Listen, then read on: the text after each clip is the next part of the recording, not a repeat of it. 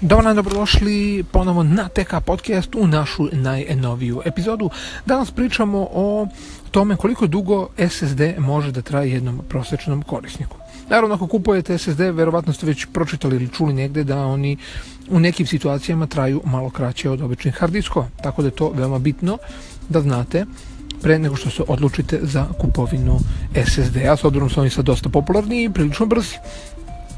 E, obavljeno je, nakon kraćeg istraživanja koje sam sproveo, obavljeno je nekoliko uticajnih studija, praktično su oni istraživali. E, prva studija koju su radili u Univerzitetu u Torontu i Google zajedno, su e, istraživali koliko traju SSD-ovi na osnovu njihove starosti, umjesto naravno na osnovu broja upisanih terabajta.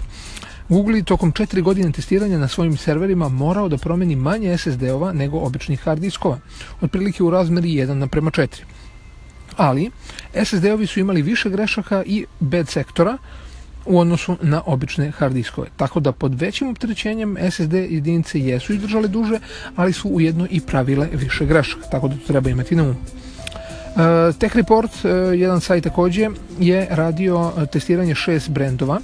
Uzeli su znači Samsung Kingston Crosshair, i e, još dva manje poznata brenda e, i samo Samsung Kingston i Crosshair su uspjeli da prežive nakon pisanja 1000 terabajta ili ti 1 petabajt podataka.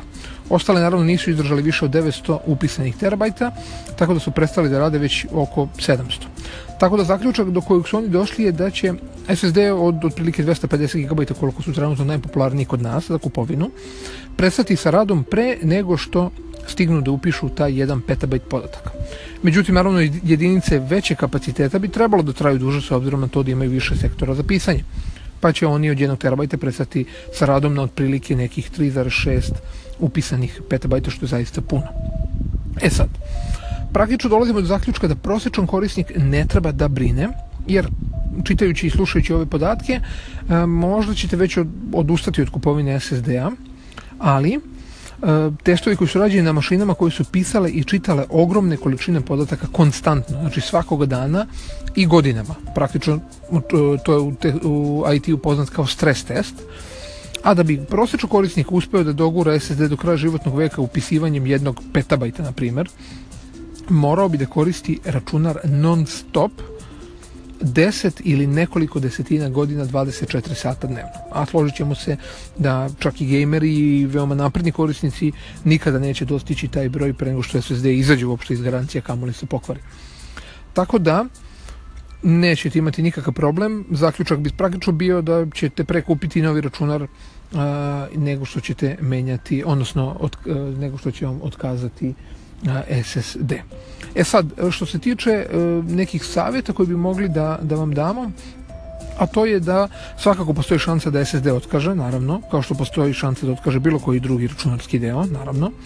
Tako da onda gledajte ipak ako kupujete da kupujete kvalitetan SSD od nekih pouzdanih kompanija kao što su Samsung, Kingston ili Crosshair, posebno Samsung se ističe kvalitetom sa njihovom Evo serijom jer oni naravno koriste bolje i naprednije tehnologije, kvalitetnije materijale, a i naravno daju dužu garanciju, e, tako da tu nećete imati nikakvih problema. Eto, to bi bilo to. Nadam se da smo vam bar malo pomogli u situaciji ukoliko se dvomite oko kupovine ili razmišljate o kupovini SSD-a. To je bilo to, naravno, ostanite uz TK Podcast do neke sljedeće epizode. Ja vas pozdravljam.